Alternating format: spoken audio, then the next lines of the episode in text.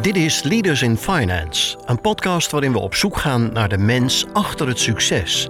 We praten met leiders van nu en later over hun drijfveren, carrière en privéleven. Waarom? Omdat er meer gesproken moet worden in de financiële sector. We willen de partners van deze podcast hartelijk bedanken voor hun steun. Dat zijn Interim Valley, FG Lawyers, Odgers Berndsen Executive Search en Roland Berger. Onze gast in deze aflevering geeft leiding aan Carbon Equity voor wie duurzaam wil investeren.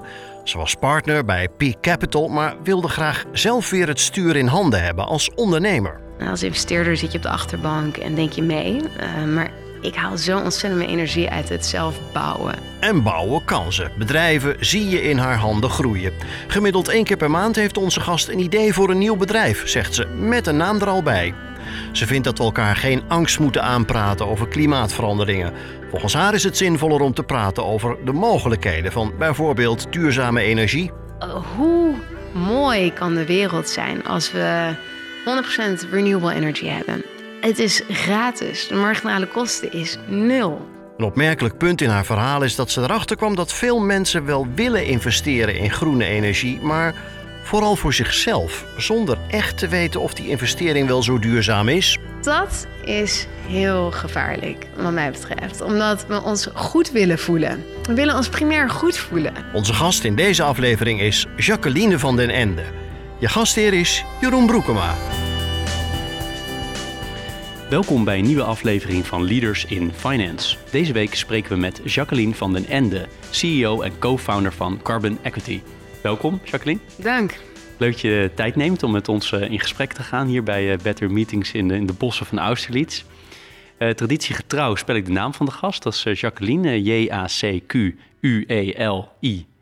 en dan van den, Ende, E-N-D-E. Ter, ter, introductie het volgende over jou. zoals gezegd, je bent CEO en co-founder van Carbon Equity, een platform voor alternative climate investments. Jacqueline richtte tijdens haar studie de kleine consultant op een studentgedreven strategie consultantsbureau dat nog steeds bestaat.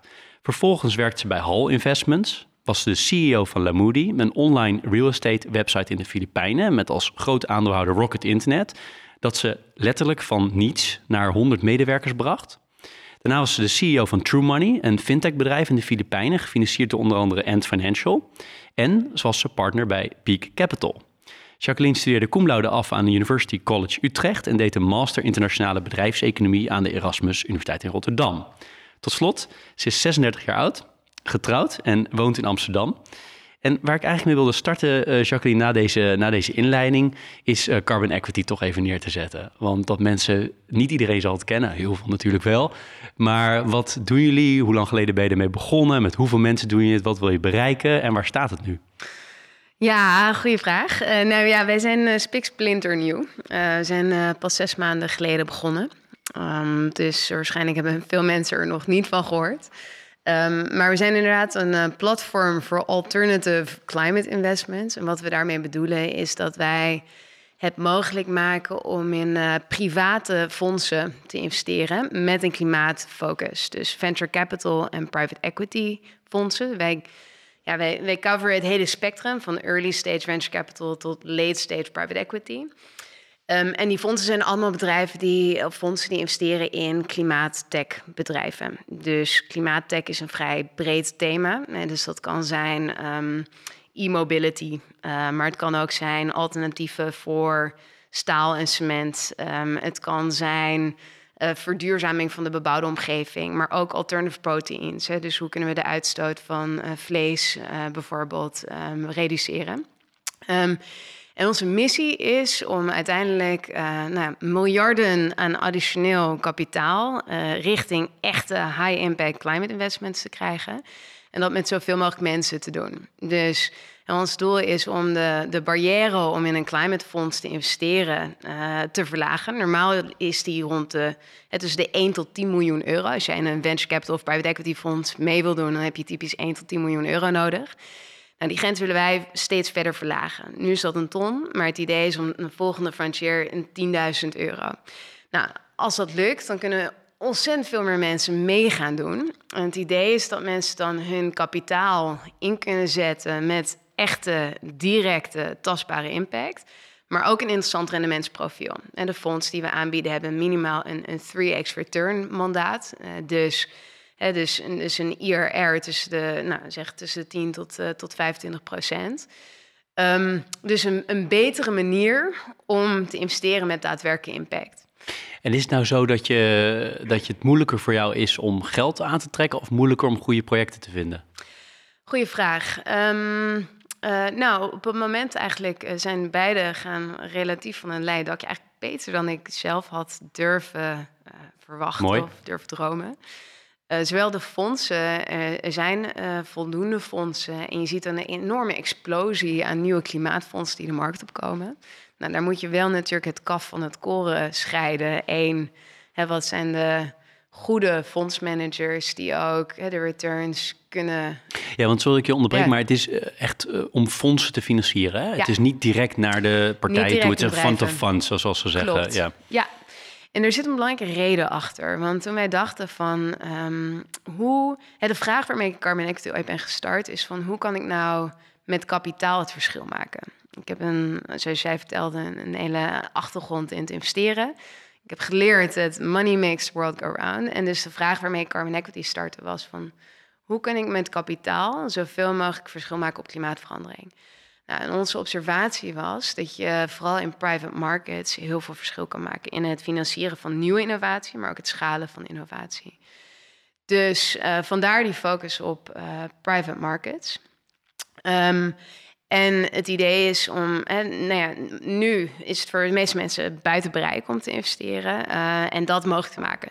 Maar dat kunnen we op twee manieren doen. Of wij zouden gaan investeren, dus zelf die bedrijven gaan selecteren. Maar wie zijn wij om alle klimaatkennis in pacht te hebben? Dus wij zeiden van, nou, het is eigenlijk veel schaalbaarder dat wij inzetten op de experts die al gespecialiseerd zijn in het investeren in een bepaald thema. Hè, want investeren in mobility is heel iets anders dan investeren in alternative proteins. Dus wij zoeken wereldwijd experts en, en onze rol daarin is echt het schalen van het kapitaal. Dus het ver- verbinden, niet per se het maken van de beste investeringsbeslissingen. En zijn je aan de investeerderskant, eh, hoe, hoe acquireer je die? Is dat begint met eigen netwerk en dan breidt het zich uit? Of doe je daar- daar heel actief mee, mee bezig? Is het geld uit Nederland of uit de hele wereld? Ja, ehm, nou aan de fondskant ehm, eh, gaat dat via netwerk, maar ook gewoon wel cold outreach. Hè, en zorgt dat we, en dat gaat eigenlijk verbazingwekkend goed. Het lukt ons ook gewoon om bij een General Atlantic, eh, hè, bij een nieuwe climate fonds aan tafel te komen of een Generation, het fonds van Al Gore. Dus daar staan we zelf ook wel eens van te kijken van, hé, hey, ze, ze zitten toch, nou ja, ze zitten op ons te wachten.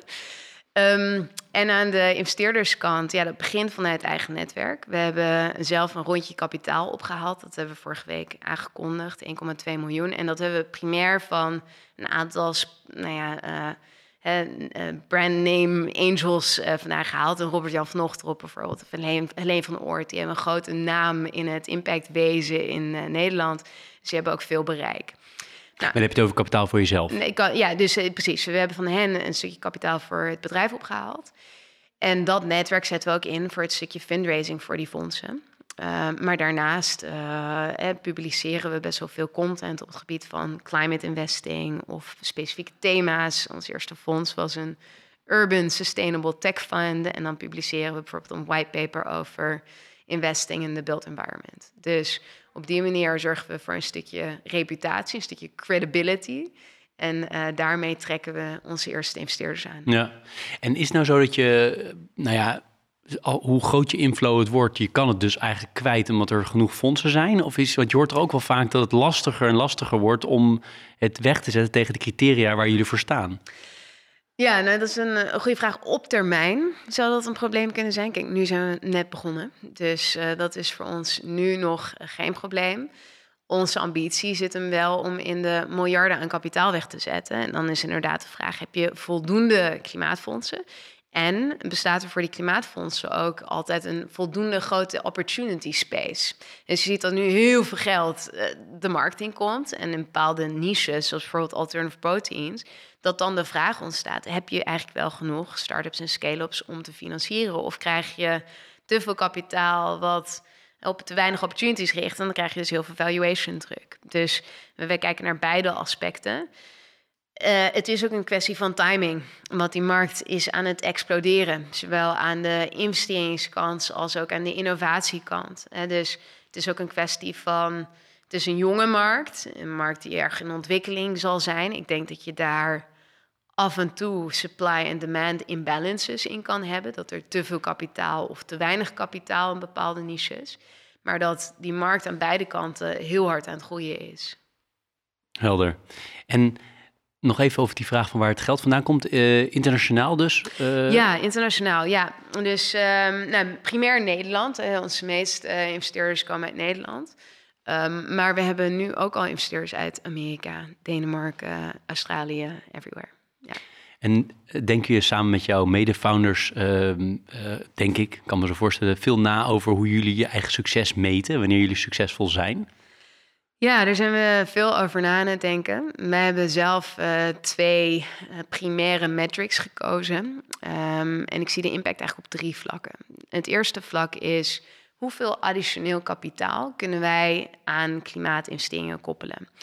En additioneel is kapitaal wat anders geen toegang zou hebben tot de private markets uh, segment.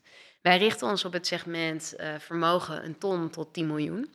Um, en typisch zie je dat die groep uh, weinig tot geen toegang heeft tot private markets. En misschien de groep 5 tot 10 miljoen wel een stukje, maar niet heel veel.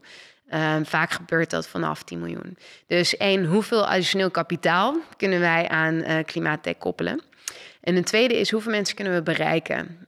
Um, en een vraag daarbij is vaak van waarom wil je, hè, waarom wil je de kleine investeerder daarbij betrekken? Kun je niet beter je efforts richten op uh, de grote kapitaalhouders? Een van de redenen is dat wij geloven dat als je investeert in, dat je ook een stukje ownership hebt. Hè? Dus een stukje. De, het, gaat ook een stukje om identiteit. Als jij investeert, word je onderdeel van de oplossing. En dat je gaat erover praten? Je gaat erover praten. Dat, precies. Ja, het is van jou een beetje. Exact. En dat denk ik is een heel krachtig middel in het uh, bouwen van een stukje draagvlak slash excitement voor energietransitie. Vandaar dat je ook naar die 10.000 euro wil, waardoor je nog meer mensen exact. op het tweede punt... Uh, exact. En zei je, ik heb drie dingen als impact. Het derde, het derde punt gaat over additionaliteit. Um, hoe additioneel is het kapitaal dat wij zeg, wegzetten bij fondsen? Kijk, als wij in het fonds van El Gore gaan investeren, ja, El Gore krijgt zijn fonds wel vol. dus dan kun je een vraag stellen over hoe additioneel is dat nou? Of druk je eigenlijk andere investeerders gewoon weg? En hoe we dat zien is dat in het begin is het heel belangrijk dat we meeliften op de reputatie en het merk van uh, bestaande hè, credible fondsen. Maar op termijn, naarmate wij zelf een reputatie ontwikkelen voor het selecteren van de beste klimaatfondsen, dat wij ook nieuwe fondsen kunnen gaan katalyseren of juist meer deep tech fondsen kunnen gaan doen. Dus we kijken bijvoorbeeld nu naar het Energy Impact Partners Deep Decarbonization Fund. En dat is een fonds wat echt, echt in de deep tech, de echte breakthrough innovations investeert. Maar het is ook een fonds wat een 15 jaar horizon heeft. Hè? Dus, dus dat is ook, heeft een, eh, eh, wel hetzelfde rendementsprofiel van een 3x profiel, maar wel een hoger risicoprofiel. Nou, als wij dat soort fondsen ook aan kunnen bieden, en er zijn voldoende mensen die zeggen van nou, ik ga primair voor de impact en het rendement erop is mooi meegenomen. Ja, als we dat kunnen doen, dan hebben we nog meer additionaliteit. Dus de drie factoren kapitaal, bereik en additionaliteit. Ja, want kan je iets zeggen over, stel ik ben een, uh, een climate impact fund uit, uh, nou, you name it, uh, Japan, ja. ik zeg maar wat. Ehm, en ik wil, ehm, ik wil graag geld van jullie hebben als, ehm, eh, als fonds. Wat, zeg maar de kerndingen zijn waar ik aan moet voldoen en wanneer ik ook vooral ben ik geïnteresseerd wanneer ik buiten de boot val? Ja, goede vraag. nou, wij doen eigenlijk een diligence op twee vlakken. Eén uh, is je uh, plain vanilla financial diligence. Ons team komt van Alp Invest en van Philips Ventures vandaan. En dus er zit heel veel ervaring in gewoon de, de echt een fonds door de mangel halen van uh, track record. Uh, wie zitten daar nou? Hoe zien de beslissingsprocessen eruit? Hoe ziet governance eruit? Wat wordt er betaald voor, voor bedrijven? En, en, en kunnen wij dat begrijpen? En staan we daarachter? Dus de eerste check is: is dit een financially sound investering? En de tweede check is, voldoet dit aan ons klimaateisen? Um, En die klimaatcriteria, daar hebben we een scoringsframework voor gebouwd. Ik moet zeggen, dat is work in progress. Lisa komt van McKinsey vandaan, heeft daar een hele tijd op de energietransitie gezeten. En zij heeft dat model gebouwd. Doen we ook in overleg met andere partners.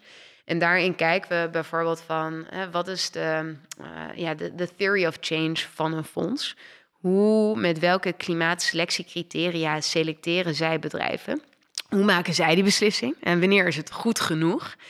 Hoe kijken zij bijvoorbeeld naar het inschatten van het potentieel van bedrijf? Vooral in early stage venture capital. Ja, als je kijkt naar gemeten en realized impact, dan is er nog niks. Het gaat om potential impact. Dus hoe uh, meet of analyseert een fonds het potentieel, impactpotentieel van een bedrijf?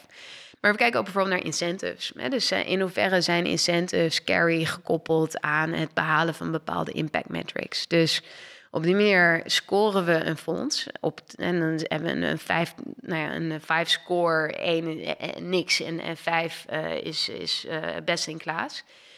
En daar komt een cijfer uitrollen. En dat is nog geen harde schaal. Daar hebben we nog best wel wat discussies over, voor bepaalde fondsen. Van ja, is het goed genoeg? En heb je daar een soort ethische commissie ook voor? Want ik, waar ik dan altijd aan denk, hè, is van nou, de, de deel 1 van jou, uh, nou, dat is natuurlijk vrij hard. Hè? Ja. Dat is gewoon de, de harde diligence die je doet. En die wil natuurlijk gewoon dat, er, dat het geld goed uh, besteed wordt, dat er goede governance is. Uh, maar die, aan die ethische kant lijkt me zo ingewikkeld. Want Um, ik noem maar wat, uh, uit een, uh, de, de vee-industrie. Of het nou, ik kan het heel massaal in een wereld die ik wel redelijk goed ken. Um, en sommige mensen zeggen, ja, voor klimaat is het juist beter om het allemaal maar heel erg um, intensief te doen. Ja. Waar ik dan weer niet per se uh, snang bij voel. Maar het zijn hele moeilijke discussies. Want ja het ene wat goed is voor klimaatverandering, kan misschien wel weer goed zijn, uh, slecht zijn voor iets anders. Zeker. Uh, of voor biodiversiteit of voor hele andere dingen. Dus hoe, hoe, maak je die ethische afweging? Ik weet bijvoorbeeld bij Triodos Bank is het ook lastig. Je wil misschien de, de BMW is misschien niet het eerste waar je denkt, maar is misschien wel de beste in, in class. Ja. Doe je die dan wel of doe je die dan niet? Hoe bepalen jullie dat? Ja, dat, dat is een, uh, een grijs gebied.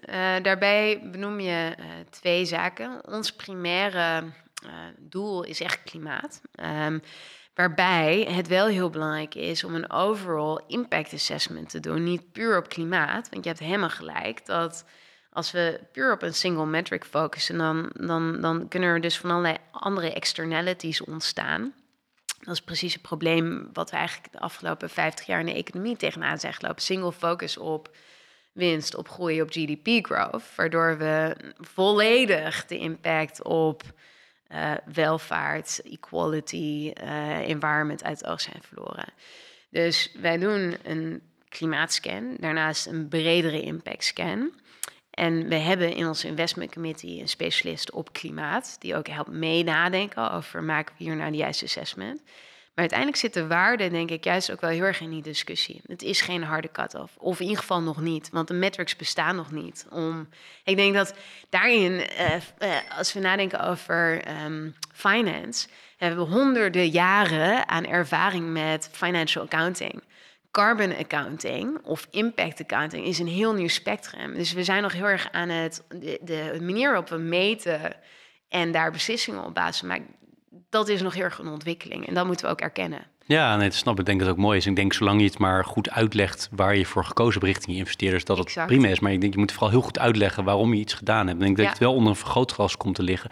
En één voorbeeld daarbij vind ik zelf, ik heb echt totaal geen antwoord, daarom is het makkelijk vragen voor mij. maar nucleaire energie vind ik een van de moeilijkste. Maar misschien is het voor jou heel simpel. Als je het puur vanuit carbon bekijkt, is het misschien wel heel erg top. Ja, dat klopt. En het is een goed punt, omdat... Um, Vanuit carbon oogpunt ben ik, sta ik zelf wel achter nucleaire energie. Het is namelijk een van de heel weinige manieren waarmee we fossil fuels kunnen vervangen. Bijvoorbeeld als je nadenkt over staalproductie. Dan ja, de enige manier waarop we tot zulke temperaturen kunnen komen is of fossil fuels, of hydrogen, of nuclear. Um, maar de vraag, hoe gaan we 10.000 jaar een risico managen, is wel in die je dan vrij makkelijk parkeert. Van, nou, daar denken we daarna over na. Eerst het klimaat redden en daarna gaan we nadenken over nuclear waste. En dan vinden we daar wel een oplossing voor. En dat is toch ergens korte termijn denken. Een van de dingen die toch wel structureel moet, moet veranderen, is dat we intergenerationeel gaan nadenken. Veel meer lange termijn. Maar dit is dus wel een hele lastige dan. Want dit zijn heel veel generaties natuurlijk uh, Ja. die hier achteraan komen. Ja. Ja, is het lijkt me lastig ook. uh, uiteindelijk komt het natuurlijk ook een beetje op neer dat. Um, ja, doe je, het voor de, uh, doe je het voor de wereld of doe je het voor de survival of, of humankind? Want als dat het is, dan is nucleair misschien wel heel goed. Ik weet het niet. Nou, daar, daar heb je ook een, een goede vraag. Want uiteindelijk gaat het inderdaad. Um, is survival of humankind een doel? of, Zitten we dan s ochtends... Uh... ik heb gelezen in een boek dat uh, als de mensheid uitsterft... dat de ratten er waarschijnlijk de beste opvolger zijn. Want die zijn zo wijd verspreid dankzij de mensen. Ze zijn waarschijnlijk de meest resilient ja, species. Je gaat voorkomen dat de ratten het overnemen van ons. Ja, ja, ja, precies, ja. Maar... Um, God, ik, ik weet er denk ik ook te weinig van, van de in-depth discussie. Maar ik zou op dit moment, ben ik best wel voorstander van nuclear. En ja, ik denk daar veel mogelijk mee is. Dus een beetje naar jou toe bewegen. Wat, um, wat vind je het allerleukste persoonlijk aan, uh, aan, aan Carbon Equity, aan dit, dit nieuwe bedrijf?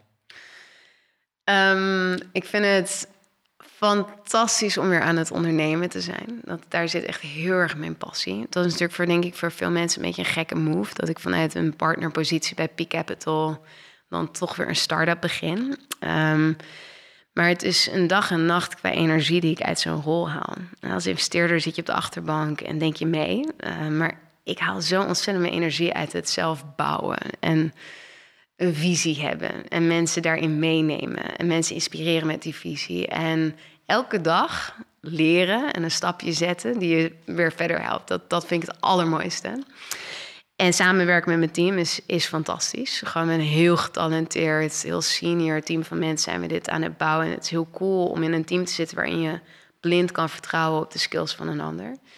En een derde is um, dat ik aan iets mag werken waar ik elke dag mijn bed voor uit wil komen. En ook als het af en toe tegen zit, dan it's not about me. Het gaat hier niet om een succesvol bedrijf bouwen waar ik zelf hè, miljonair van word. Het gaat erom dat je een verschil maakt en dat je iets achterlaat. En dat is voor mij een hele motiverende visie. Ik weet waarom ik het doe en ik heb daarin ook een hele lange termijn horizon. Ik, nou, voor mezelf denk erover na dat ik de komende 30 jaar uh, climate finance bedrijf aan het bouwen ben. Wat ik heel interessant vind, een mooi verwoord trouwens, maar is um, in mijn voorbereiding op, um, uh, op dit gesprek uh, kwam ik ook tegen dat je zegt van um, uh, vrijheid is ontzettend belangrijk voor mij, is een heel belangrijke value, het was in het Engels. maar je zei ook the concept of working for someone else doesn't fit me very well, of iets in die trant. Volgens mij is het letterlijke quote. Ja. Dat komt bekend voor, toch? Niet? Ja. Maar wat ik daar interessant aan vind, is dat je dus na zeg maar je, dat je een eigen bedrijf had opgericht tijdens je studie, ben je wel in semi- of helemaal loondienstbetrekkingen gekomen. Natuurlijk, partner bij Piek is natuurlijk niet uh, loondienst, loondienst, dat Ja. snap ik wel. Maar het is wel allemaal semi-loondienst. Ja. Terwijl je eigenlijk altijd al wist van, doesn't fit me. Is het dan, mijn conclusie is dan, het is puur om dingen te leren en dan voor mezelf te doen? Of ligt het anders? Ja, goede vraag. Ehm, ik denk dat het eh, twee dingen is.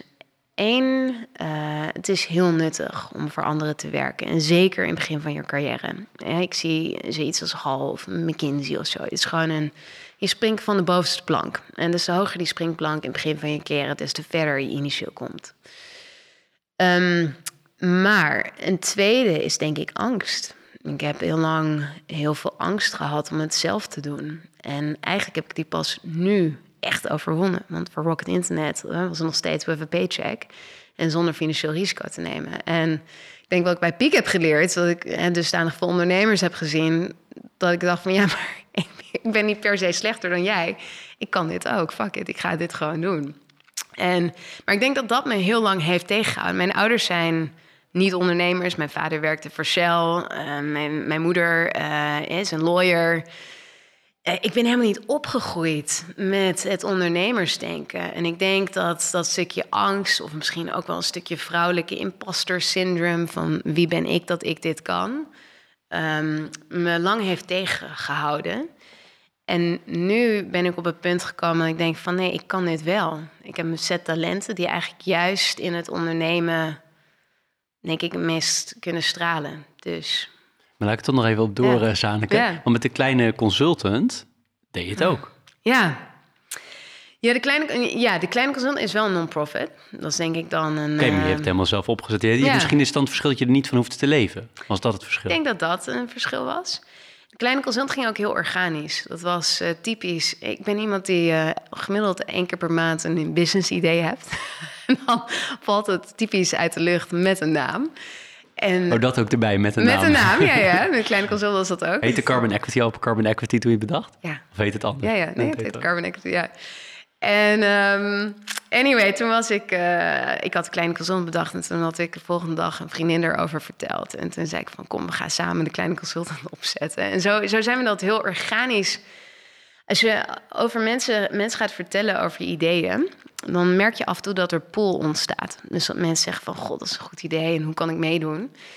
En dat gebeurde bij de Kleine Consultant. Dus voor je het wist waren we de Kleine Consultant begonnen... zonder dat ik echt... Oh, conscious was van, oh, ik ben nu een bedrijf aan het opzetten.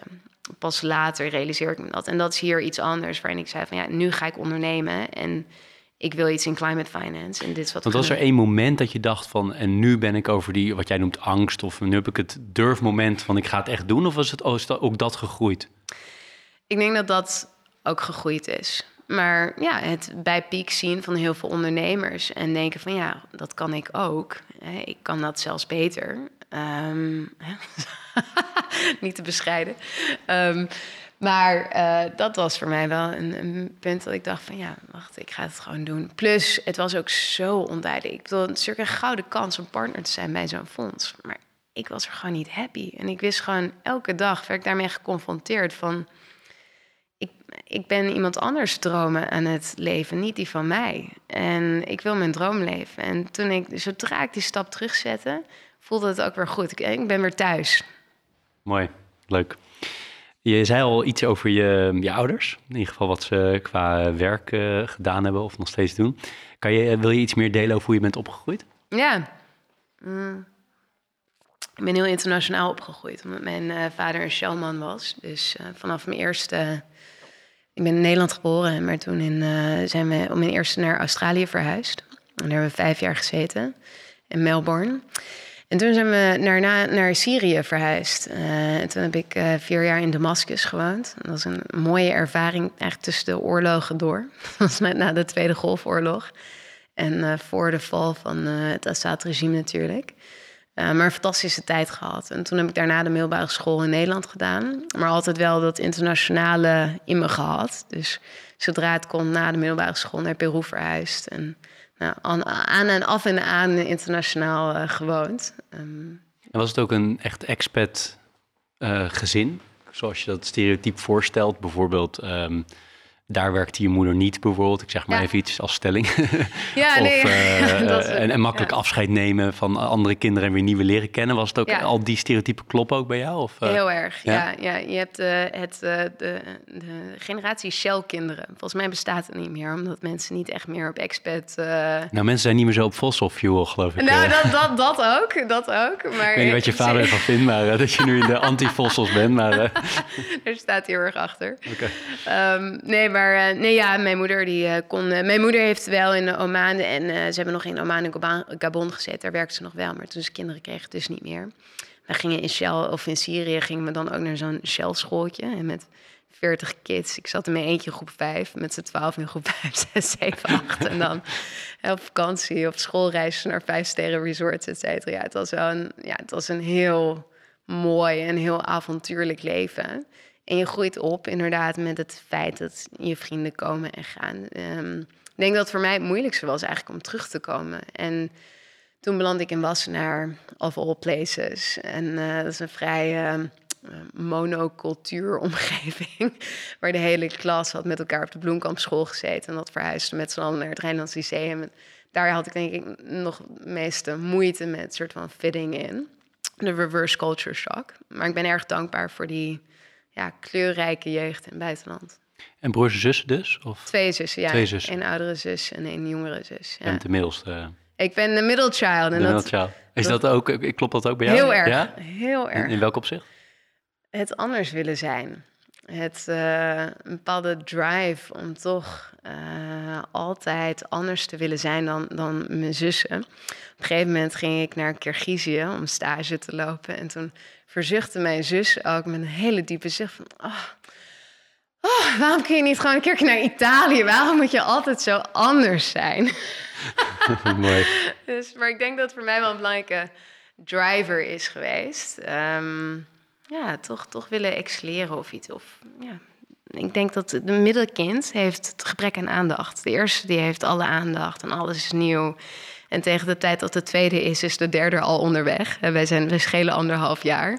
Dus die tweede is soort van stak in de middel en die, en die moet dus iets anders. En de zussen zijn niet gaan ondernemen? Nee, nee, de oudste is een uh, jurist ook. En de jongste is, uh, zit in de HR, in de recruitment. Ja. Zitten, zij zit ook in het start-up wereldje bij Antler. Um, maar uh, nee, ik ben eigenlijk de enige met de grootste ondernemersdrive in de familie. En wat zijn, um, wat zijn nou normen en waarden vanuit je ouders die wel echt enigszins specifiek zijn voor jullie? Want er zijn natuurlijk een paar normen en waarden die je vaak terug hoort, hè, die ik me ook wel bij jou kan voorstellen. Zijn er nog dingen waarvan je zegt, ja, dat valt me elke keer weer op. Dat is iets wat wij hebben meegekregen. Wat natuurlijk ook altijd andere mensen meekrijgen, maar niet iedereen. Een leuke vraag. Ik denk excelleren. En dat komt vanuit mijn moeder. Mijn moeder is heel kritisch. En uh, you could say pushy in a certain way. Maar zij heeft ons altijd geleerd om het beste uit jezelf te halen. En dat als kind was dat met de, met de dwarsluit. Ik speelde of all people, speelde ik eerst blokfluit en toen dwarsluit. En er werd echt wel op gehamerd dat je dat goed deed, zo goed als mogelijk. Of thuiskomen met goede cijfers. En ik denk niet op een ongezonde manier, maar wel een meest uit jezelf halen. En ik denk dat, daar ben ik heel dankbaar voor. Want als kind waardeer je dat niet altijd, dat je ouders je pushen. Maar ik zie het verschil tussen mensen die gepusht zijn om het meeste uit zichzelf te halen en, en kinderen bij wie het allemaal alles goed genoeg was. Want hoe, hoe deed ze dat praktisch? Gewoon, was het gewoon van dit is niet mooi, het moet beter op die manier of anders? Um, nou, er wordt betaald voor de, voor de, voor de muzieklessen. Hè? Dus ik verwacht ook dat je x uur per, per week studeert. Hè? En, uh, en, en, het, uh, en er niet blij mee zijn als dat niet gebeurde. Maar hoe reageer je op kind, als kind op dat, dat wat je zelf zegt? Dat is niet per se leuk, of wel? nee, dat is niet altijd leuk. Nee, um, maar je leert daarin een bepaalde discipline van ook hè, dat, um, dat je je best doet en dat daar ook iets goeds voor terugkomt. Ik denk dat mijn ouders ook me meegegeven, je middelbare schoolcijfers zijn wel belangrijk. En niet dat ik nou echt... Uh, ik ben niet. Ik, ik, ik, ik uh, doe er misschien uh, klinken als een Asian tiger mother. Dat was niet misschien een hele lichte vorm daarvan. Maar wel iemand die kritisch is. Zij is zelf kritisch. Ik ben zelf kritisch. Dus mijn grootste criticaster ben ik ook zelf. Ik, ben, ik heb een enorme drive. 100% intrinsiek. En dat heb ik van haar meegekregen. Um, en ik denk dat dat, dat dat is af en toe onrustig. Want het is ook nooit goed genoeg voor jezelf. Dus ik ben niet iemand die heel goed kan ontspannen. Um, maar ik haal wel veel uit mezelf. En dat, uh, dat heb ik meegekregen van mijn jeugd. En daar ben ik dankbaar voor. Ja, mooi. Het lijkt me als ouder heel lastig om uh, daarin een goede balans te vinden. Want je wil niet... Ja. Je kan het ook te ver pushen. Dan krijg je een soort reactie vanuit een kind. En dan... Maar ook hè, wat veel in Nederland denk ik toch nog steeds... Nou, misschien in ieder geval in het verleden, ik weet niet hoe het nu is... maar ook alweer gebeurt van een zes is prima. Weet ja. je, dat is goed genoeg. En ik, ik geef er geen waardeoordeel over. Ik zie nee. voor- en nadelen aan beide kanten hoor. Maar de balans vinden lijkt me heel lastig. Is ook heel lastig. Dat, maar blijkbaar heeft jouw moeder dat goed, uh, die, die balans goed gevonden. niet, niet altijd. niet altijd. Nee. als, als volwassene kan ik er goed op terugkijken. Ja, precies, ja, precies. Nu kan je er goed op reflecteren. Wat is, um, wat, wat, is voor jou nou echt een cruciaal moment geweest in, uh, in zeg maar de fase uh, nul tot, tot je studententijd? Wat, is echt een belangrijk moment of momenten geweest voor, de, voor het verdere verloop van je leven? Ik denk dat er één uh, specifiek moment was, wat ik ook als moment heb ervaren. En dat was in de vierde klas. Toen heb ik me aangemeld voor United World Colleges. Um, en dat is een groep van, ik geloof, 10, 12 scholen over de hele wereld. En er worden kids van over de hele wereld worden daarvoor uitgenodigd. Gaat door een heel streng sollicitatieproces. En je bent daar niet alleen bezig met academische resultaten, maar ook heel veel vrijwilligerswerk. En dat had denk ik naadloos bij mij gepast. En ik was ook ver in het sollicitatieproces. In het laatste interview, toen heb ik dat niet goed gedaan. Ik weet ook nog specifiek volgens mij waar het misging. ik gaf een beetje af op het, denk ik, op, op Wassenaar. Ik denk dat wat, ik denk niet goed, helemaal goed overkwam. En ehm, toen ben ik het niet geworden. En ik weet nog dat ik een brief kreeg uh, dat ik het niet was geworden. En dat kwam als een, echt als een mokerslag aan. Ik denk dat het voor de eerste keer echt een major disappointment was in mijn leven.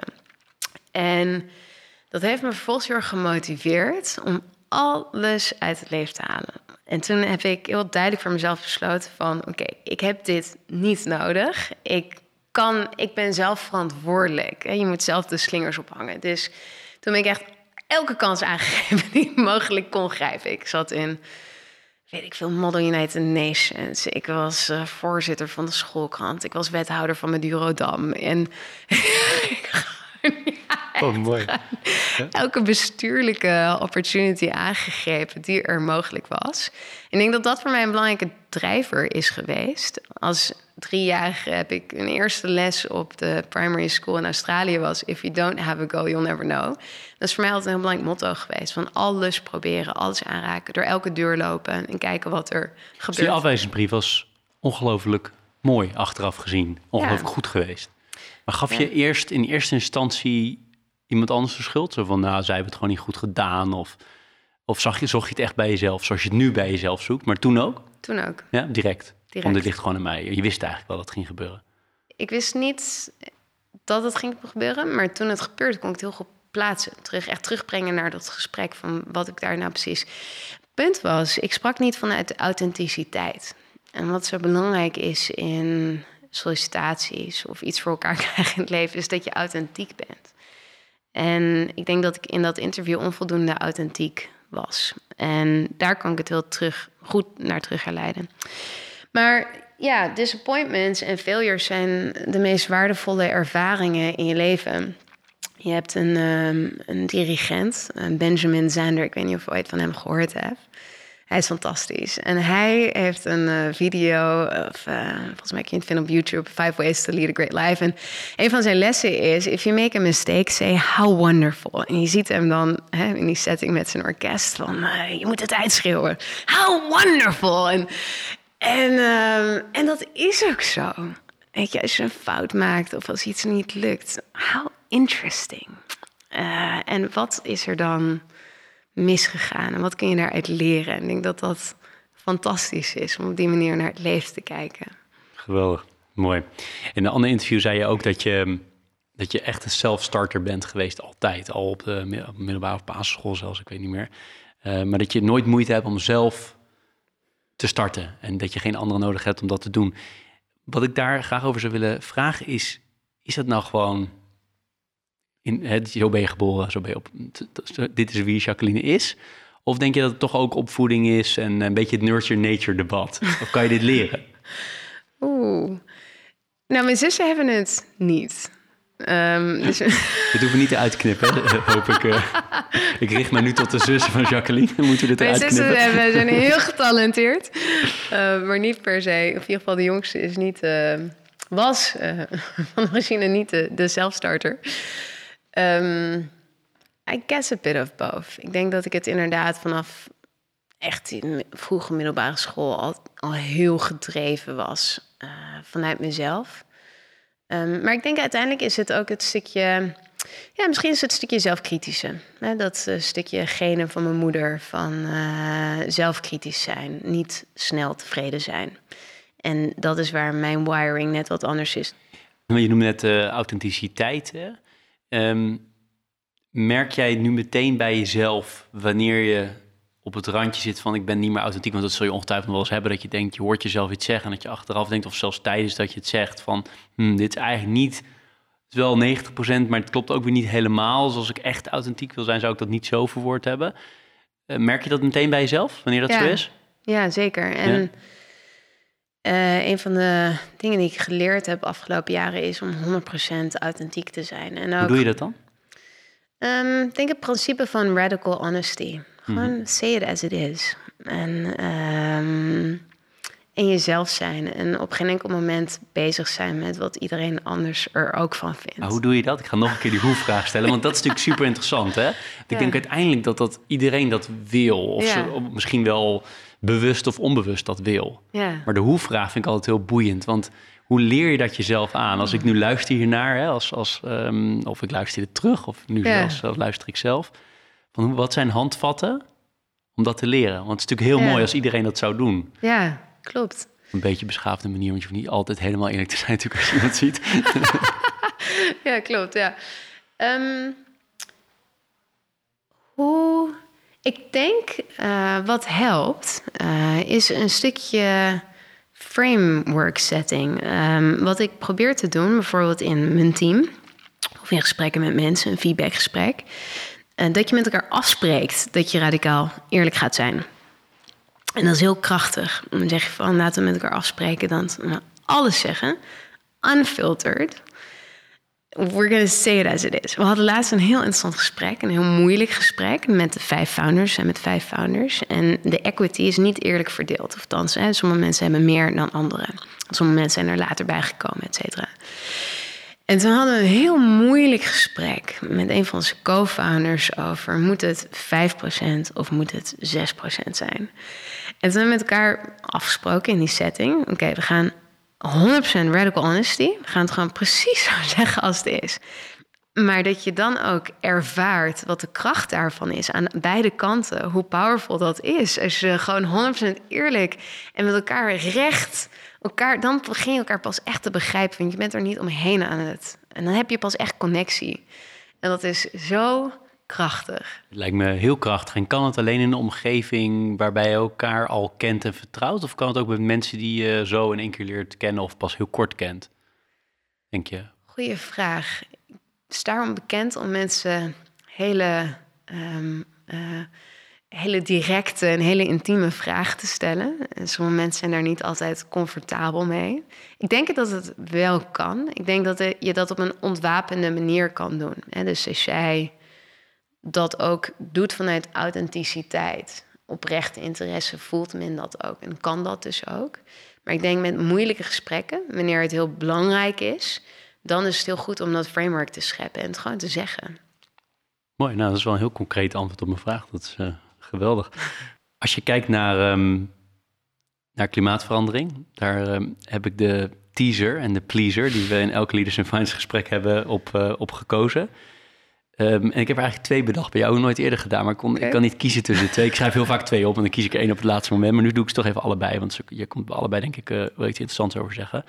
De eerste is, ehm, we kunnen eh, klimaatverandering afremmen. Dus heel veel ligt er in onze handen als mensheid. We kunnen nog heel veel keuzes maken. Er is best wel veel vrijheid, Ja. dus de stellingen. Ehm, maar de echt grote consequenties, die kunnen we eigenlijk al niet meer afwenden. Eens. Zijn we snel uit. Kan je toelichten? Er zijn eh, veel effecten al in werking die nog honderden jaren door zullen werken, ook als we nu 100% eh, en morgen net zero zijn. En dat komt omdat ehm, eh, bepaalde effecten, bijvoorbeeld het smelten van de ijskappen, dat zet ehm, bepaalde kettingreacties in gang. Ehm, dus door het smelten van de ijskappen komt er veel hoe noem je dat? Zoet water in de oceaan. Dat heeft invloed op de oceaan currents, die vervolgens weerspatronen ehm, eh, beginnen te veranderen. Waardoor je enorme droogte krijgt in bepaalde delen van de wereld, enorme rainfall in andere. De eh, opwarming van de zee gaat veel langzamer dan van het land. Ik merk dat als surfer. Het is het koudst om te surfen in april. Als eigenlijk het weer alweer warmer wordt. En het is het warmst in oktober, november. Dus de, de, de zee die eh, heeft een lijk ten opzichte van de aarde. Dus het opwarmen van de zee loopt achter de atmosfeer aan. Maar gaat nog heel lang doorwerken. En dat is dat april effect. Dat je dan april het koudste is. Ehm, nou, die, die, die opwarming van de zee heeft te maken. Dan, eh, wat je dan vervolgens krijgt is, eh, ik weet niet wat de juiste term is, maar de level of oxygen in de, in de zee gaat omlaag. Daardoor sterven koralen af. Daardoor krijg je verzuring van de aardbodem. Daardoor sterven hele voedselketens. Nou, van allerlei van dit soort effecten, eh, die zijn in gang gezet en zullen heel moeilijk eh, terug te draaien zijn. En we hebben ook geen idee van wat er nou uiteindelijk gaat gebeuren. Hè. Dus we hebben, we hebben een idee, maar het kon nog veel erger en veel sneller uitpakken dan dat we denken. En daar hebben we nog weinig vat op. Dus dat is dus een slechte stelling wat dat betreft. Weinig, uh, weinig discussie over. Maar is, is het... Uh, ja, precies. Dat, wil, daar ja. wilde ik precies naartoe. Van hoe zorg je... Want jij komt over op mij, we kennen elkaar pas een uur... maar als wel heel optimistisch. Ja. Um, hoe gaat dat samen hiermee? Want dit is wel iets waar je constant mee bezig bent. Ja, um, nou, twee dingen. Ik denk dat ik... Ik ben menselijk en dat zijn we allemaal. En het nadeel daarvan is dat je het ook snel, dat, dat hoezeer je ook met dit topic bezig bent, het toch abstract voelt. Ik vergelijk het met mijn schouder uit de kom. ik heb um, vaak mijn schouder uit de kom gehad.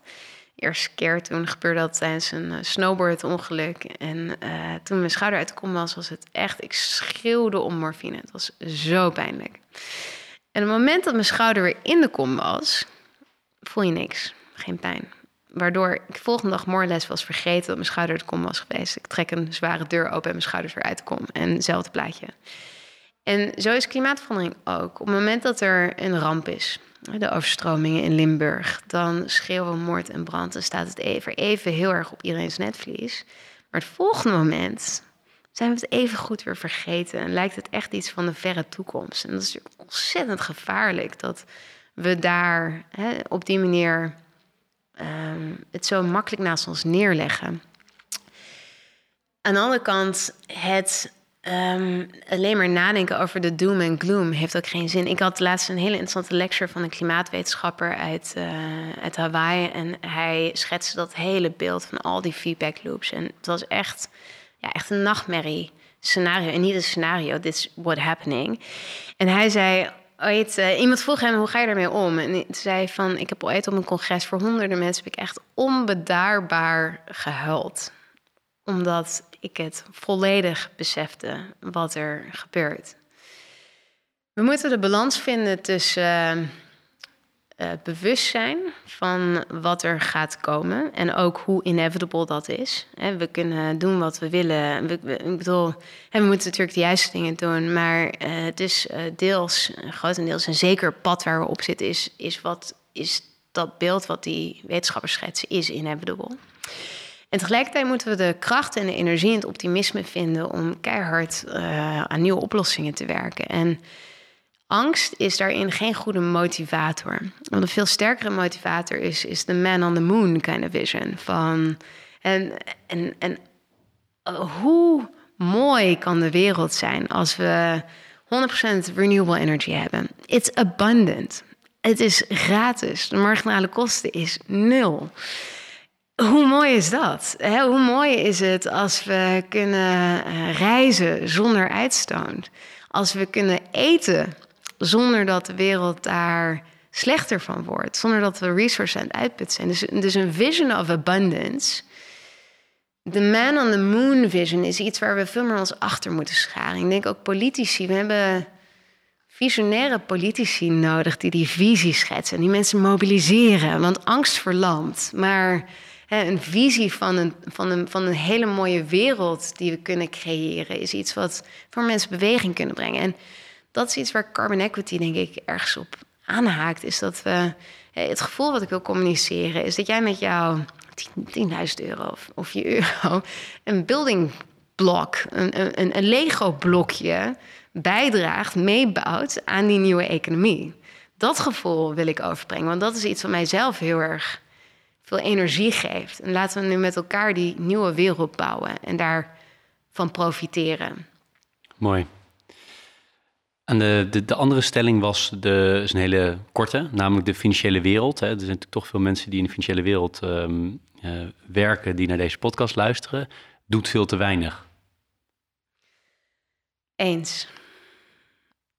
En de reden waarom ik dat denk, begint te veranderen. Dus begint echt wel heel veel aandacht te komen voor climate investing. En ik denk, er zit op een heel bijzonder moment van. Er is heel veel momentum en dat komt omdat we het impact trade-off uh, denken hebben beginnen los te laten.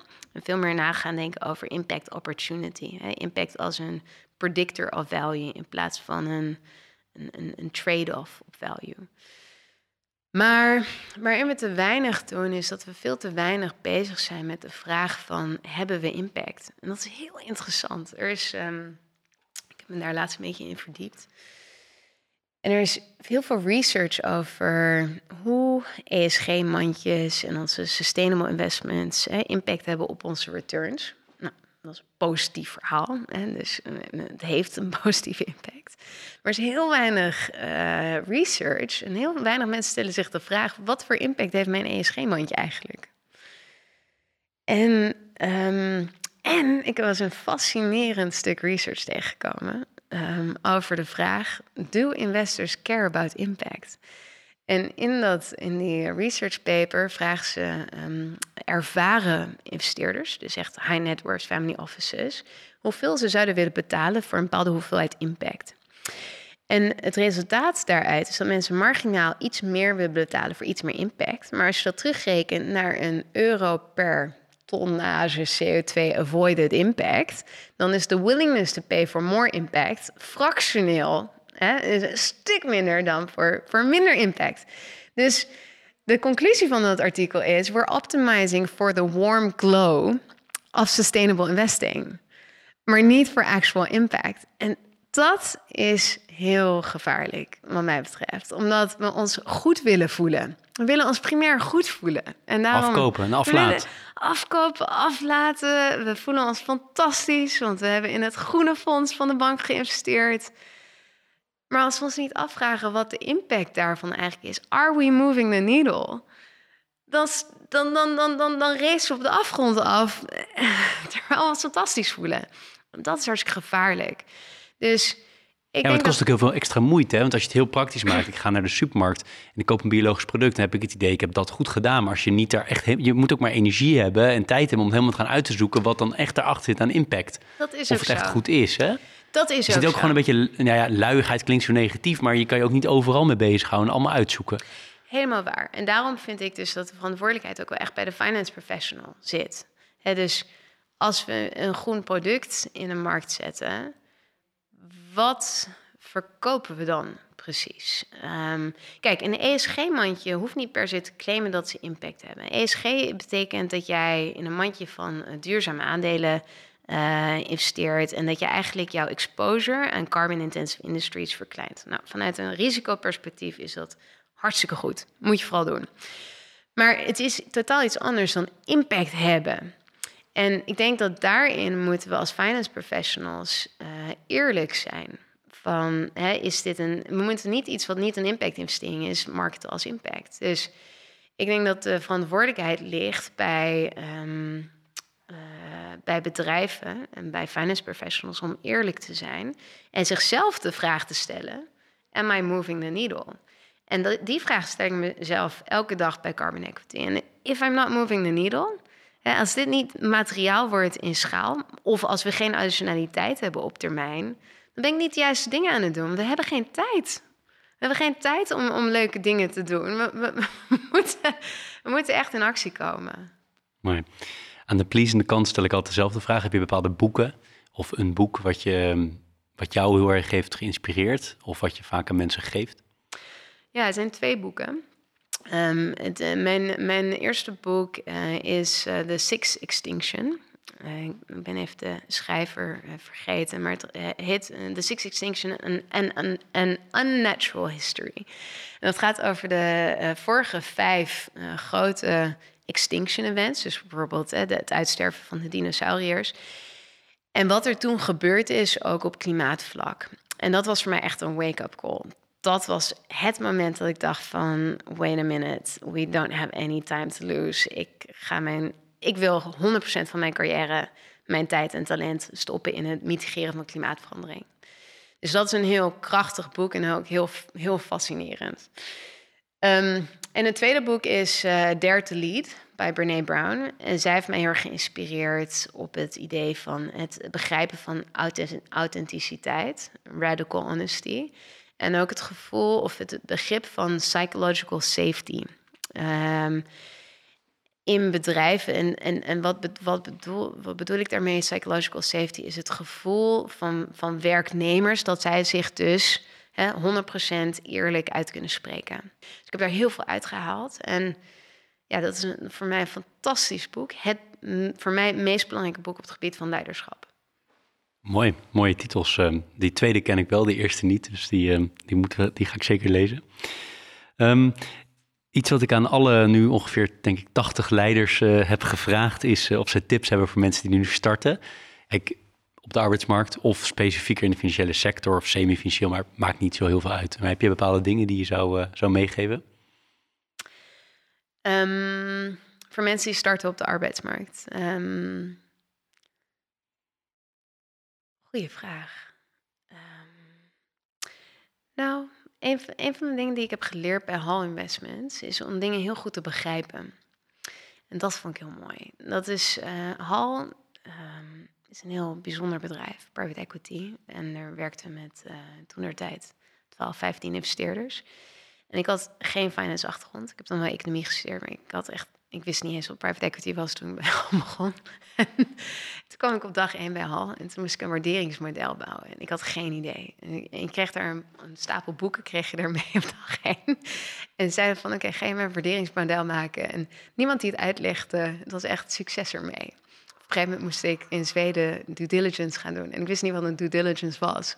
Patrick de Jager, mijn manager toen, die zei van... Jacqueline komt in Zweden due diligence doen. En ik dacht van, hoe doe ik dat?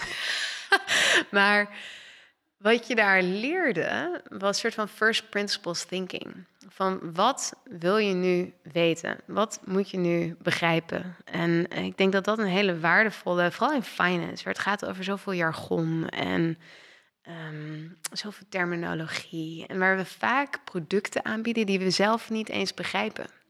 We zetten iets in de markt als een impactproduct, maar wat is dan de impact? Begrijp ik dat zelf wel? En ik denk dat misschien dat wel een waardevolle les is voor finance professionals. Om echt te begrijpen wat je aan het doen bent. En zolang je dat niet begrijpt, jezelf vragen te blijven stellen. Mooi. Je zei eerder in het gesprek ergens iets in de trant van dat je het lastig vindt om ook uh, tot rust te komen. Of even mijn woorden, ik weet niet of het goed, uh, goed quote, maar uh, op het einde vraag ik altijd, um, soort tegen het einde, hoe je je werk en privé managt je hebt verteld je privé situatie, je bent, uh, bent getrouwd. Je um, bent altijd druk volgens mij. Hè? In al die banen, je hebt in, heel veel in het buitenland gezeten, zowel in je jeugd, nou jeugd, maar dat is nu niet relevant, maar daarna natuurlijk in je, in je, je managementposities in de Filipijnen. Hoe manage je dat, je werk en privé? Dat daar genoeg tijd voor beide is en dat je ook genoeg tijd voor jezelf hebt. Ja, vind ik heel lastig. Ik ben uh, probably echt een, een workaholic. Um, dat komt primair omdat ik het ook heel leuk vind om te werken. Dus ook als ik niet strikt genomen aan het werk ben, ben ik bezig met leren. Nu ben ik aan het leren over Ethereum en crypto. En, dus dat vind ik, uh, geeft me heel veel energie. Um, maar daardoor ben ik niet heel ontspannen. Want als ik niet aan het werk ben, ben ik dus actief niet aan het werken. Dat is wel mooi verwoord. Ik kan me heel goed voorstellen. ja, moet ik moeite voor doen. um, maar je vrouw remt je dan af, is dat het? Of? Ja, ja, ja. En ik denk dat zij een van de belangrijkste waarden van onze relatie is dat zij mij laat zien dat er ook iets anders is of iets meer is. En dat met elkaar zijn iets anders is dan niet werken. dus gewoon met. En zij, zij op riep ze gefrustreerd uit. I need to be present and present. Als in fysiek present, maar ook mentaal present. En um, ik leer dat van haar toch is het uh, af en toe worstelen van hoe kan ik het allemaal in een dag passen. Dus ik probeer ook in de Filipijnen te En dan probeer ik dan om vijf uur s ochtends opstaan. In Nederland vind ik dat moeilijker. Het is donkerder en kouder. maar ik probeer vaak voor de dag uit al het een en ander gedaan te krijgen. Qua werk of qua meditatie of qua sport. Um, waardoor je de dag begint. Als iedereen om negen uur begint en je hebt al drie, uur, drie productieve uren erop zitten. Maar hoe ontspan je dan wel? Dat is voor mij... Ja, Moeilijk, maar als je het lukt, zeg maar, wat doe je dan? Surfen. Surfen. Is heel krachtig voor mij. Surfen, dan geef je je helemaal over. Het is, je ligt op je plank in de Noordzee. en dan wacht je op een golf en dan pak je die golf en dan is dat volledige harmonie. Surfen is voor mij echt de manier om te spannen. Of rennen. Uh, en als ik ga rennen, dan ren ik niet om uh, calorieën te verbranden, maar om de, om de stad Amsterdam te ontdekken. Oh, dat vind ik zo mooi. Dan probeer ik altijd een onbekende plek te vinden. En dat lukt ook altijd. Leuk. Ja. En hoe blijf je fit uh, geestelijk verder?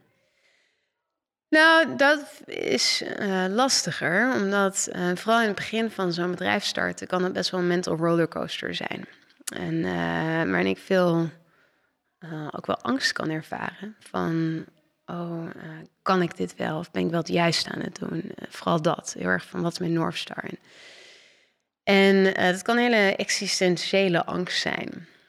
Um, en daar kan ik dan heel erg mezelf van opvreten. In de ergste momenten dan zie ik even door de bomen het bos niet meer. En dan, dan ziet het bijna zwart voor mijn ogen. En dan heb ik een soort van kolkende gedachte die maar rond en rond en rond gaat. Van, oh shit, ik verkeerde, verkeerde pad, verkeerde pad, verkeerde pad. En dan kun je ook helemaal niet meer helder nadenken. En andere momenten gaat het heel goed en dan heb ik heel veel overzicht. Maar die momenten... Heb je dat meer nu, nu uh, toch uh, jouw baby is? Je hebt de mensen erbij bij gezocht en je doet, doet het niet alleen, maar toch. Hè, je bent wel gestart. Heb je dat meer nu dan toen je in die andere betrekkingen zat, waar toch uiteindelijk iemand boven je ook een groot deel van de verantwoordelijkheid op zich nam en nu echt bij jou ligt? Ja, ja nu heb ik wel meer van die angst. Ja. Uh, waarbij ik heel veel steun heb aan het feit dat we het met elkaar doen. Ja, dus het niet alleen mij is. Maar ik probeer. Um, nou, ik heb uh, recent uh, ben ik gaan experimenteren met meditatie. Dus ik gebruik de Waking App uh, app van Sam Harris. Die is heel krachtig. Want het gaat niet alleen over het gedrag van mediteren, maar veel meer over de filosofie en het begrip erachter. Daar heb ik heel veel aan. En daarin leer je dat je. You have agency over your thoughts. En je, je, we, we zitten zo gevangen in onze stroom van gedachten. Maar als je die even uit kan zetten en even kan voelen, even kan horen, even kan even, even bewust zijn van jezelf, dan is dat een heel mooi moment. Het is een manier om rust te vinden in jezelf op enig moment. En als je dat zou kunnen beheersen, dan geeft dat heel veel vrijheid en heel veel rust. Dus daar mooi. ben ik mee aan het oefenen. Toen me denken aan een interview met eh, Janine Vos recent van de raadsbestuur van Rabobank, die ook zei, geloof iets van 80% van, die, van al je gedachten, die heb je met jezelf. Hè? Ja. Je communicatie met jezelf de hele dag maar door. Ja. Gaat maar door, duizenden en duizenden gedachten met jezelf, als je die Exact. onder controle krijgt. Ja. Nog een ander ding aan je voorleggen van, de- van de andere gast, um, was Pauline van der Meer-Moor. Ja. Die, ehm, daar hadden we het over van in hoeverre eh, je dus bezig bent met, nou in jouw geval met klimaatverandering, eh, eh, daaraan bij te dragen om dat tegen te gaan. En toen hadden we het ook over cognitieve dissonantie. Hè? In hoeverre pas je ook je eigen leven, je privéleven, Ja. erop aan. Hè? Dus ik, ik hoorde jou natuurlijk zeggen eh, snowboarden en de wereld misschien Ja. wel overvliegen. Maar daar hadden we het over. Hè? Van, zij zei ook van ja, je kan, het feit dat je ermee bezig bent, dat is al een heel, heel goed iets. Hè? Ja. Ehm, en toch zei ze ook van ja, ik doe ook wel dingen van ik denk, en dat heb ik zelf ook, hè, van ik toch wel weer in het vliegtuig soms stap en denk, dat wil ik eigenlijk niet meer. Want ja, hoe zit dat bij jou? Hoe cognitief dissonant ben jij? Ja, ook wel aardig. Ook wel aardig. Ja, nee, eh, ik herken dat heel erg. Ehm, er zijn een aantal dingen die ik ehm, probeer te doen. En ook wetende that it's not enough. Ehm, ik eet geen eh, rundvlees. Dat is een high impact one. En vliegen is natuurlijk een hele belangrijke. Mijn vrouw komt uit de Filipijnen, dus ons, eh, de helft van mijn familie zit daar. Eh, of haar familie dus. Ehm, dus daar vliegen we nog steeds naartoe. Wat we met elkaar hebben afgesproken is eh, één keer per jaar internationaal. En dan, of intercontinentaal en één keer per jaar internationaal, dus binnen Europa. En, en als je dan gaat, ga dan langer. Dus de, de dagen van de, de korte stedentrips naar Barcelona zijn over.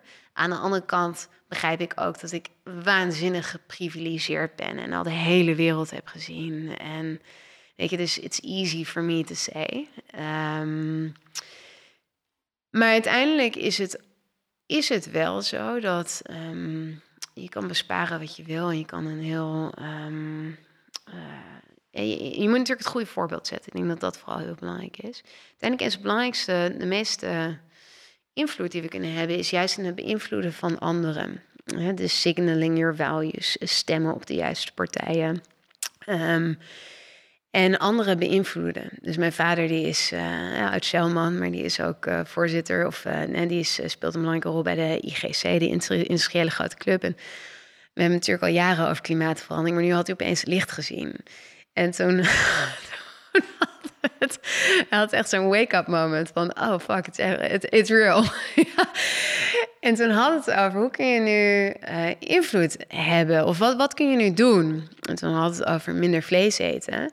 Maar toen had het ook over wat je echt kan doen, waar je echt impact kan hebben, is door bijvoorbeeld een klimaatweek, een thema te organiseren bij de IGC, waar je al die industrial leaders en mee gaat nemen in het verhaal, waar je de discussie aangaat met de Tata Steels, maar ook de next generation van mensen die in deze wereld moeten opgroeien, bijvoorbeeld. Dus als je dat nou kan doen, dan kun je een katalysator zijn. En dus we moeten het veel meer. Dus ja, we moeten juist dingen doen. En moeten bewust leven. En we moeten, min, hè, we moeten minderen. Maar wat vooral ook heel belangrijk is, is om je omgeving mee te nemen. Daarin, kun je meest, daarin heb je het meeste hefboom-effect, meeste leverage. Helemaal op het einde. Waar, um, waar zien we jou op de hele lange termijn? Dus niet de komende jaren, want er wordt um, carbon equity uitgebouwd. Uh, dat ben ik wel vrij zeker van. Die durf ik wel zo te stellen. Of je moet met me ja, oneens zijn. Zeker. Maar ik denk dat dat nog, uh, nog heel lang mee kan. Maar er komt natuurlijk een punt dat ook jij denkt van... nou, nu kunnen andere mensen het beter. Of uh, het is zo, zo groot dat ik beter weer juist met mijn ideeën... hoe noem je het, ideeënmachine weer aan de slag kan. Wel, welke kant gaat het dan op? Ben je daar enig idee bij? Je noemde ergens tussendoor even van... we hebben ook echte politieke leiders nodig. Ja. Ben je ook de, de first female prime minister in Nederland? of uh, zie je jezelf zoiets ooit uh, die kant op bewegen? Of uh, denk je van... en dan bedoel ik even politiek... of niet meteen ja. een prime minister te zijn... maar of, of heb je er helemaal geen beeld bij? Jawel. Um, misschien heb ik daar wel een, een stiekeme droom. Ik denk dat die. Ik, een, een stiekeme en zeer um, uh, nog niet doordachte droom is om burgemeester van Amsterdam te worden. Lijkt me heel leuk. Ik weet niet of ik de beste politicus ben. Ik ben niet per se heel diplomatisch of um, handig. In, daarin komt mijn radical honesty. Misschien hebben we ook wel meer radical honesty nodig in de politiek. maar dat kan ik me wel voorstellen. Uiteindelijk heb ik toch wel heel intrinsiek een bepaalde impactmissie. En ik begrijp en ik denk dat het bouwen van een commercieel bedrijf een belangrijke manier is, een hele structurele manier om impact te hebben. Maar politiek heeft een hele belangrijke rol te spelen. En inderdaad, we hebben visionaire leiders nodig. Dus ja, ik, ik, wil op een gegeven moment wel daarmee in geval dat, dat is aftasten om actief te worden in politiek. Leuk. Voordat ik jou ga bedanken, heb jij nog iets waarvan je zegt: uh, Ik heb ongelooflijk veel mogen vragen? Uh, heb je nog iets waarvan je zegt: uh, Dat vind ik jammer dat ik dat niet heb verteld? Kijk, we, we hadden nog heel veel onderwerpen ook nog kunnen bespreken, maar we moeten toch ergens ons hoge energieniveau vasthouden, niet op het hoogtepunt afronden. Maar heb je iets dat, dat had ik graag willen delen? Nee, volgens mij hebben we echt een heel uh, rijk interview gehad. Dank voor je goede vragen. Nou ja, jij, jij, alle dank naar jou. um, dat kunnen luisteraars niet zien, maar hier naast mij ligt een uh, uh, pakje koffie. Ik weet vanaf okay. vanochtend dat je koffie drinkt, dus ja, dat is gunstig. Maar dat is van Bokka Koffie. Dat is een, ik weet niet of je kent, maar B Corp gecertificeerd. Dus dat zal je aanspreken. Zeker. bedrijf, dus dat, dat is bedankje. En heel, heel erg bedankt voor je, je openheid, voor je, voor je radical honesty, zoals je het zelf noemt. Uh, maar ook voor je ja, ja, indrukwekkende verhaal, moet ik zeggen. Heel erg leuk. Veel dank. Dankjewel.